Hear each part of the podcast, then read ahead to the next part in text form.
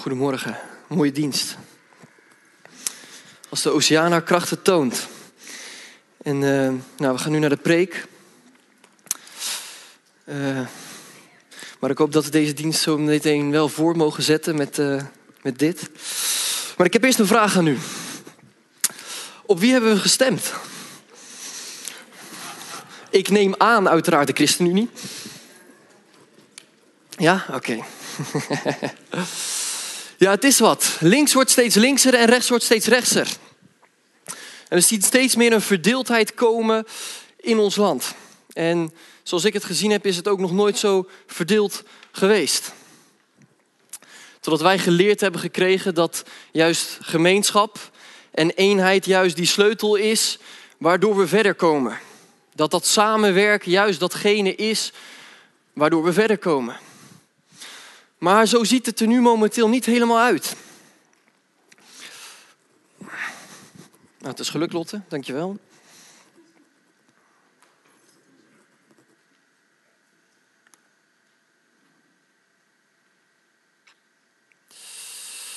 En vanochtend gaan we ook op een reis in gemeenschap.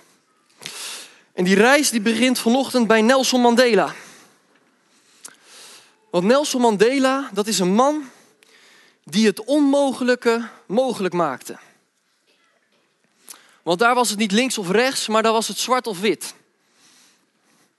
En daar was een gigantische verdeeldheid, de apartheid.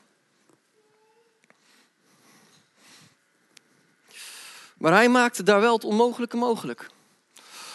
Want Nelson Mandela, een man die alles afgenomen was, 27 jaar, 28 jaar, in de gevangenis zat, die eigenlijk alle reden had om kwaad in zich te hebben. Dankjewel Nathan. Die alle reden had om kwaad in zich te hebben, die maakte daar een groot verschil.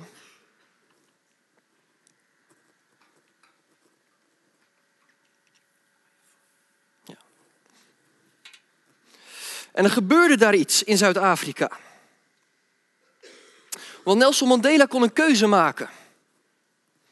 Nelson Mandela kon twee keuzes maken. En die twee keuzes, daar gaan we vandaag op inzoomen. Maar die ga ik nog niet verklappen.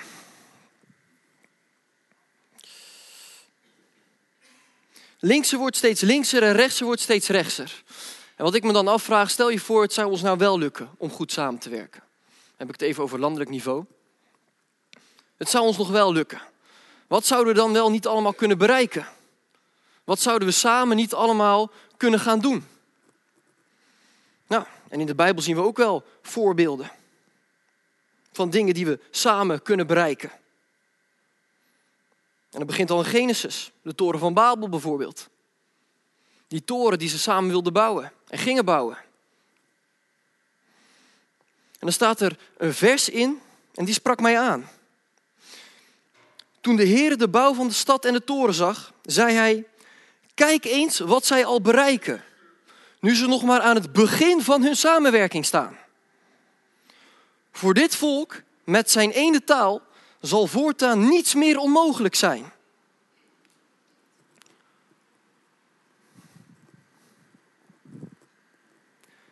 Ze nog maar aan het begin van hun samenwerking staan. Voor dit volk, met zijn ene taal, zou voortaan niets meer onmogelijk zijn. En we weten het wel, er zit kracht in samenwerking. En hier wordt zelfs gezegd dat het ze zou lukken. Dat het ze zou lukken om een toren tot in de hemel te bouwen. Zo goed konden ze samenwerken. Zoveel resultaat is er te behalen als we kunnen samenwerken. En dan kan ik hier een preek gaan houden dat we meer moeten gaan samenwerken en dat we meer een eenheid moeten zijn en dat we meer gemeenschap moeten hebben. Maar ik zat dus eigenlijk op een rijtje te schrijven wat we eigenlijk allemaal al doen. Hoe wij al een gemeenschap zijn. Hoe er hier een zangdienst wordt voorbereid. Een oefenavond is. Hoe hier vanochtend de koffie werd geschonken. Het gebouw opgewarmd werd. Hoe de techniek voorbereid werd. Allemaal eenheid. Allemaal gemeenschap en dat doen we allemaal samen. Dus mijn boodschap van vanochtend is niet dat we nou meer moeten samenwerken. Dat mag natuurlijk wel en dat zou ook wel fijn zijn. Maar we mogen ook zeggen dat we het al zeker doen. En dat het ook al gebeurt.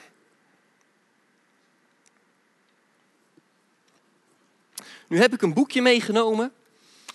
En het gaat nog steeds over die eenheid, over die, dat samen. En dat sprak me aan. En mijn moeder die leest soms wel eens wat voor thuis. Dat zou ze eigenlijk vaker moeten doen. Maar goed, ze las wat voor. En eigenlijk kwam hier mijn preek een beetje, ja, kwam ik hier een beetje mee op een preek. En het gaat weer over dat samen, wat je kan bereiken als je samen bent. En het boekje heet Onze ijsberg smelt. Komt-ie. De hoofdpingwing onderbrak het betoog door zijn vleugel te verheffen en vervolgens te zeggen: Wie wil er inktvis als lunch? Dit bracht een corpulente professor tot zwijgen, want zijn rommelende maag onder het gemak van zijn hersenen: Wat een goed idee. En pingwings zijn verzot op inktvis. De zeedieren die in afmetingen variëren van zo groot als een huis, dat wist ik niet, tot kleiner dan een muis. Maar de kleine inktvissen waar pingwings zo van houden, zijn behoorlijk geslepen. Ze spuiten een zeer onaptijdelijke straal zwarte inkt in de richting van hun belager en gaan er vervolgens snel vandoor. Dus wanneer het tussen een pingwing en een inktvis gaat, ja, dan is het gemakkelijk. De inktvis winkt. Maar pingwings die hadden daar een oplossing voor. Die hadden dit probleem lang geleden al ontdekt in groepsverband op inktvis jagen. En Louis sprong als eerste de zee in, waarna de anderen snel volgden. En hoewel er pingwings op het land wat onhendig heen en weer schuivelen, een beetje zoals Charlie Chaplin, zijn het uiterst vaardige en gracieuze zwemmers. Ze kunnen 150 meter diep duiken, zo'n 20 minuten onder water blijven, manoeuvreren en manoeuvreren behendiger dan een Porsche van 250k. Maar met uitstekende individuele vaardigheden vang je geen inktvis. En dat vond ik leuk, want dat laat zien, niet dit boekje, maar dat laat zien dat dat, dat samen, dat zit in heel de wereld verweven. Dat zit niet alleen in de mensheid, dat zit in heel zijn natuur verweven. Als mijn vader een schilder op een klus zet, dan zet hij het liefste twee neer, want hij weet als er twee man op een klus staan, ja, dan heb ik het beste resultaat. Hoopt hij.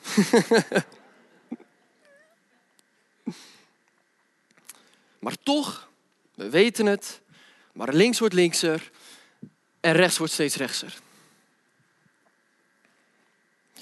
Want eenheid heeft ook een tegenhanger. En die kennen we allemaal.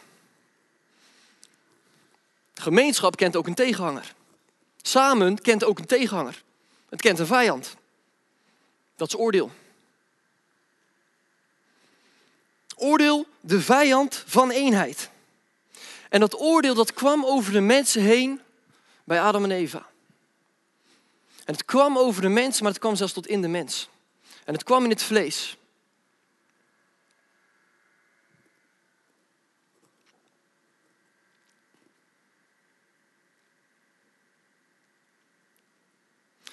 En dan zat ik daarover na te denken. En dan kan ik zeggen, we moeten minder oordelen. Maar ik ging er dus anders over nadenken. Want je kan je ook geoordeeld voelen. Het kan ook zijn dat iemand anders een oordeel over jou uitspreekt. En dat hij niet zo aardig tegen jou is. En dat kennen we allemaal. En dat doet pijn als iemand anders jou oordeelt. Als een oordeel over jou uitgesproken wordt. En ik heb ook ervaren wat het is om geoordeeld te worden. En dat gebeurt nog steeds. Maar een voorbeeld daarvan is toen ik op voetbal zat. Ik heb acht jaar lang op voetbal gezeten. En ik zat eigenlijk heel laat op voetbal. Maar goed, ik dacht, ik vind het toch leuk. En we gingen er toch maar op. Een beetje een motivational speak eh, van papa. Nou, we gaan toch maar op voetbal. En ik kwam eh, in, eh, in een team terecht. En dat team dat speelde al nou, ik denk wel vijf jaar met elkaar samen, al vier jaar met elkaar samen. Die konden goed overpassen. Maar wat hadden ze nou? Ze hadden geen keeper. Dus daar kwam ik, Jelle de keeper. Nou, en dan zitten de verwachtingen natuurlijk heel erg hoog. Maar die werden al heel snel heel erg laag. Helaas. Want ik kon heel goed keepen, maar dat was een probleempje. ik kon niet zo goed voetballen. Uh, en dat is wel handig als een keeper. En wat gebeurde er in dat team? Ja, dan kwam ik daar in die kleedkamer en dan stap je zo die kleedkamer in en dan zit iedereen om je heen. En dan zien ze, oh, daar komt Jelle aan. En dan voelde je het oordeel wat over je heen kwam. Dan hoeft er niet eens iets gezegd te worden. Het hoeft niet eens uitgesproken te worden. Nee, dat komt daarvoor al. Je voelt dat oordeel gewoon. En ik kwam die kleedkamer binnen en ik voelde dat oordeel. En dat was niet één keer, maar dat was elke keer dat ik daar kwam. En dan kwam ik het veld op en dan was die wedstrijd daar en dan zei ik tegen mezelf, maar deze keer, ja, dan ga ik het echt laten zien. Nu pak ik al die ballen, ga ik meevoetballen, goed uittrappen. Nu, nu kan het. En dan komt die eerste bal, niet eens van een aanvaller, maar gewoon van mijn eigen medespeler.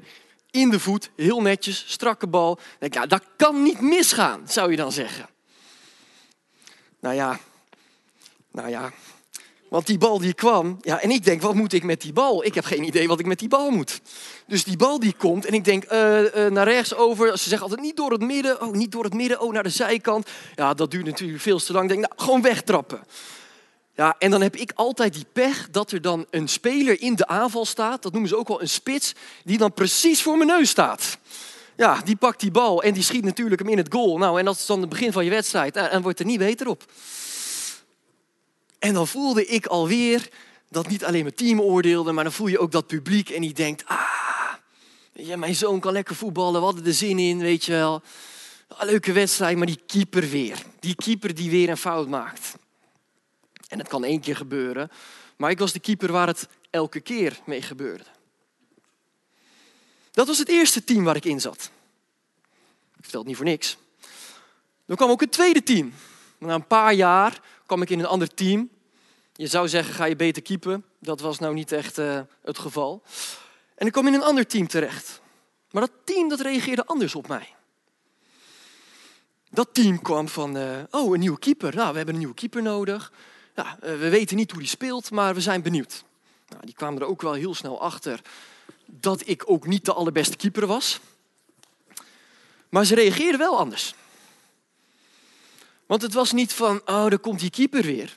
Het was niet als ik de kleedkamer inliep van, oh, dan zal je hem weer hebben. Kunnen we niet een andere keeper?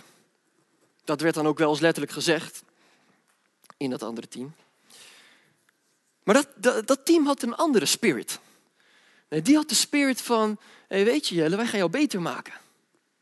Wij gaan er samen voor staan, want wij staan straks met elf man op het veld. En we zullen het met elf man moeten gaan doen. Dan moet ik er eentje extra in gaan trappen. Dan moet ik er eentje extra in het doel gaan schieten. En wat dat team deed, en dat is eigenlijk een prachtig gebaar.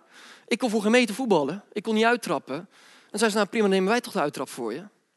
En dat zag er heel gek uit. Een voetballer die de uittrap voor een keeper neemt. Dat zie je niet vaak. Op tv heb ik het nog nooit gezien. Maar ze gingen achter me staan. En ik werd beter. En ik ging beter keepen. En ik kreeg vertrouwen in mezelf. En ik dacht, hé, hey, wacht eens even die bal die pakte ik eigenlijk best wel lekker. En toen pakte ik er nog één. En dan komen ze naar je toe. Lekker man. Goed zo jongen. Let's go. En het was een B-team. En ze maakten een keeperstrainer voor me vrij. Een vader. Dat is helemaal niet interessant, want zelfs de, de A-selecties die, die gaan met vijf, zes keepers tegelijk. Maar hier hadden ze, weet je, wij geven jou gewoon één op één een keeperstraining. Want we willen je beter maken. We vinden je een toffe kerel. En ze gingen achter staan en ik ging beter en beter en beter keepen. Totdat ik zelfs een van de sleutelrolspelers werd in dat team. En toen werd ik voor een ander team gevraagd. En toen zei ik dat tegen ze. En toen zeiden ze, ja maar als jij weggaat, dan kap ik er ook mee. Nou, hoe cool is dat? Hoe cool is dat? Dat vond ik echt, ja, toen ik dat hoorde, en het wil je natuurlijk niet dat ze er dan mee stoppen. Maar wat een verschil. Want ze gingen achter me staan. En hoe ik bij het ene, dat is goed om toe te voegen, hoe ik me bij de ene geoordeeld voelde, had dat team een andere reactie. Ze toonden liefde. En dat maakte voor mij het verschil.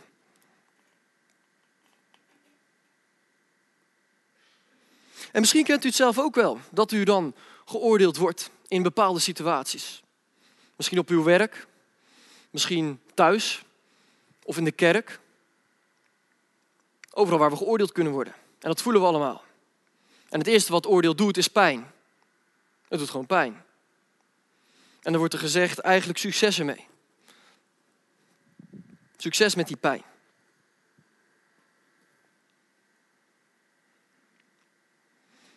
Komt de eerste Bijbeltekst. 1 Petrus 3, vers 8, vers 9.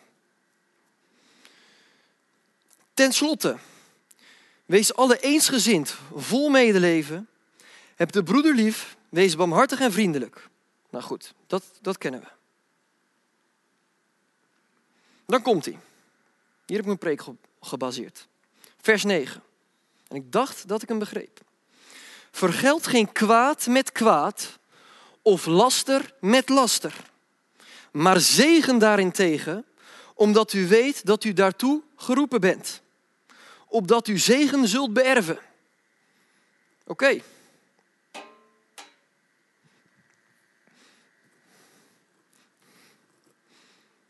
Dus ik voel me geoordeeld. Ik heb pijn. En wat staat hier? Maar zegen daarin tegen. Dat is nogal wat.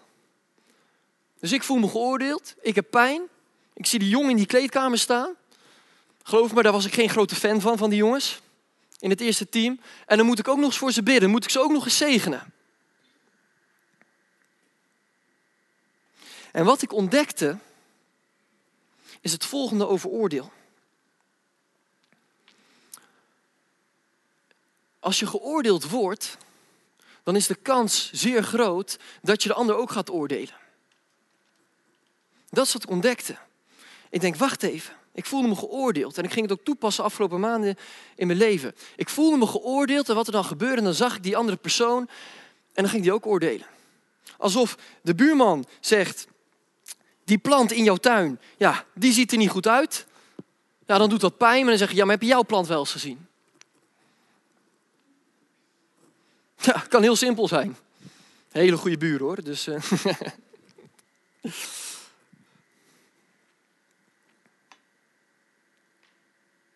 Dus we beginnen eigenlijk, we zijn eerst slachtoffer van oordeel, zo zie ik dat. We zijn eerst het slachtoffer van oordeel, het doet pijn. En vervolgens word ik ook nog eens de dader van oordeel. Het is een cycli, het herhaalt zich, het komt steeds terug. En het staat ook in Matthäus. Oordeel niet opdat u niet geoordeeld wordt. Want met het oordeel waarmee u oordeelt, zult u zelf geoordeeld worden. En met welke maat u meet, zal u ook bij gemeten worden. Het herhaalt zich. Ik word slachtoffer van oordeel en vervolgens word ik de dader van oordeel. En dat vind ik een lastig verhaal. En hij wordt nog veel lastiger. Want dan denk ik, oké, ik moet de anderen zegenen. En dan lees ik dit. Dan denk ik, nou. Dit is de passage van de dag. Matthäus 5, vers 43. Jullie hebben gehoord dat gezegd werd, je moet je naaste lief hebben en je vijand haten. En ik zeg jullie, heb je vijanden lief en bid voor wie jullie vervolgen. Zo. Oké, ik ken hem. En denk, ja, ik moet mijn vijanden lief hebben. En dan, dan zeg ik dat tegen mezelf. Maar dus eerst wordt er tegen me gezegd, ik moet voor die jongens eigenlijk gaan bidden. Ik moet ze zegenen, ik moet het goede voor ze doen. Totdat ze mijn pijn doen. En dan lees ik dit, Matthäus 43. En dan staat er eigenlijk ook nog, heb je vijanden lief en bid voor wie jullie vervolgen. Dus ik moet ook nog mijn vijanden lief hebben. Dat is nog even next level. Dat is veel gevraagd, vind ik.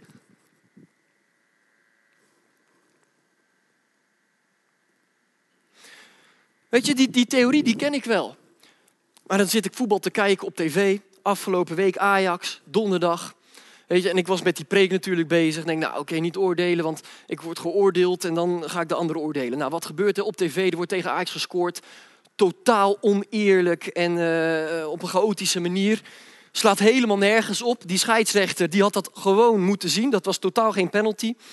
Maar goed, dat is even frustratie dat kon ik nog wel hebben. En dan komt die camera van die tv, die, die zoomt dan in op een supporter van de tegenstander. En die staat ja, en die staat met middelvingers en, uh, en noem maar op. Nou, dan voel ik hem wel hoor. Dan denk ik, oh mannetje, je hebt de Champions League net gewonnen zeker. Je speelt maar in de Europa League. En hier staat vijanden en dat is een man die ik niet eens ken.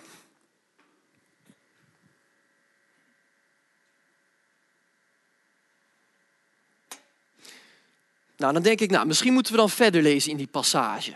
Misschien dat dan verder op die passage staat, hoe doen we dat dan, dat liefhebben?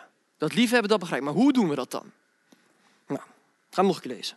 Jullie hebben gehoord dat gezegd werd, je moet je naaste lief hebben en je vijand haten. En ik zeg jullie, heb je vijanden lief en bid voor wie jullie vervolgen. Nou, komt het vervolg.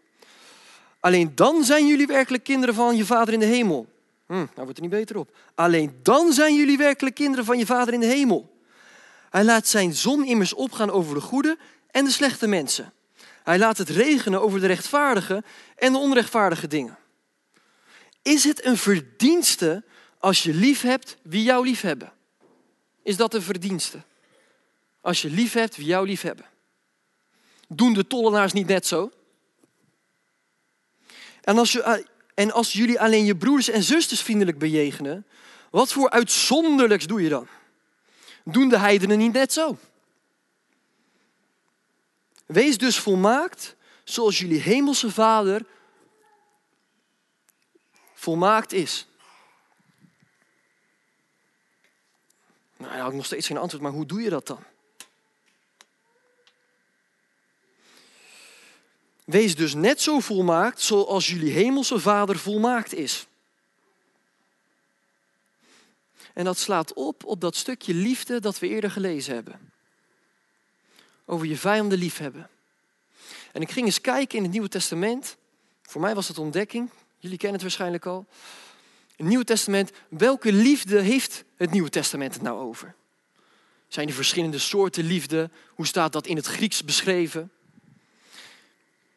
En er worden eigenlijk in het Nieuwe Testament worden er drie typen liefdes benoemd.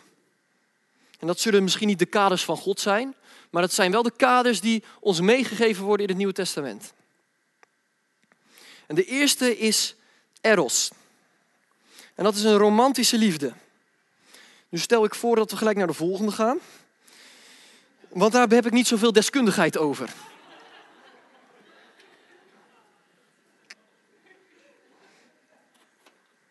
De volgende. Phileo. Dat is dan een broederlijke liefde. En dan. Agape. En dat is de liefde van de allerhoogste vorm. Dat is de onvoorwaardelijke liefde.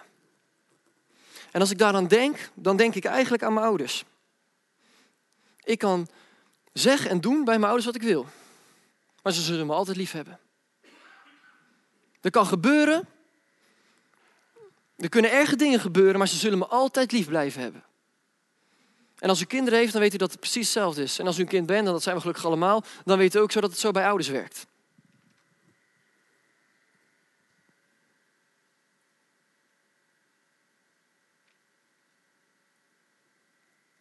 Het is de liefde van de allerhoogste vorm. Ja, en met die liefde, ja, daarmee kan ik mijn vijanden wel lief hebben. Want dan kan de vijand doen wat hij wilt. Dan kan het een terrorist zijn. Maar dan kan ik hem onvoorwaardelijk lief hebben. De liefde van de allerhoogste vorm, agape. Oké, mooi. Hoe doe ik dat dan? Hoe doe ik dat op die manier lief hebben? Er staat kwaad met kwaad vergelden. En dat is wat het vlees kan. Maar wij hoeven niet kwaad met kwaad te vergelden. Wij mogen kwaad met iets anders vergelden. Wij mogen dat kwaad met liefde vergelden. Want als ik me geoordeeld voel, dan mag ik de ander wat teruggeven. Hoe ik normaal gesproken me geoordeeld voelt en de ander ga oordelen, mag ik wat anders doen. Ik mag die liefde teruggeven.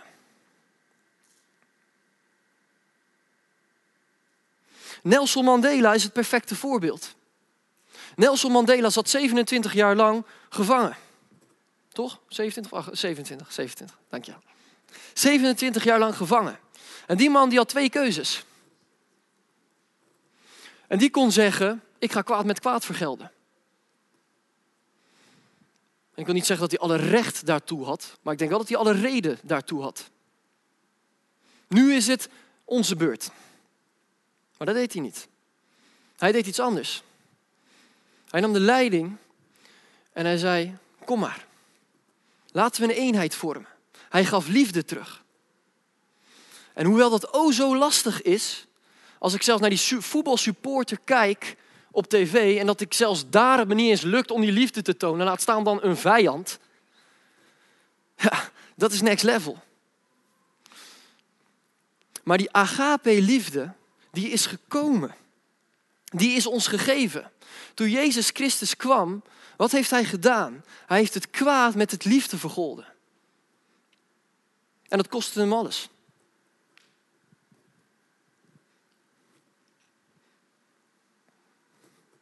Alles werd hem afgenomen. Nelson Mandela, alles werd hem afgenomen. Hoe bizar is het dat wij dan kunnen zeggen, maar ik geef jou wat.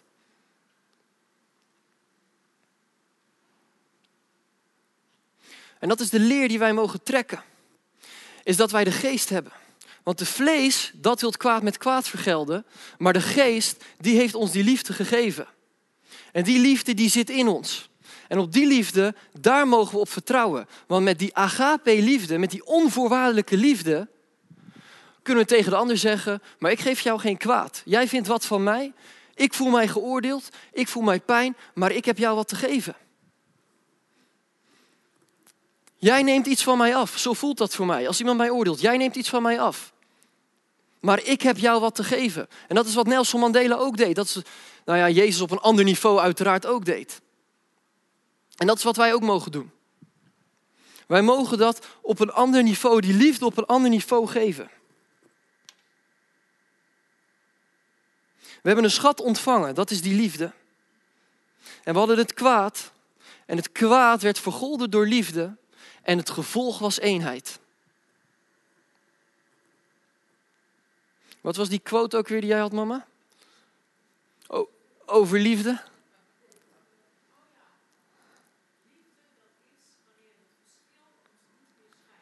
Amen. Liefde is waar ons, wanneer ons het verschil niet scheidt. En dat is mijn boodschap voor vanochtend. Wij mogen het kwaad vergelden met liefde. En hoewel dat lastig is, kunnen daarmee zelfs onze vijand lief hebben. En dat komt omdat Jezus Christus aan het kruis gegaan is en ons alles gegeven heeft.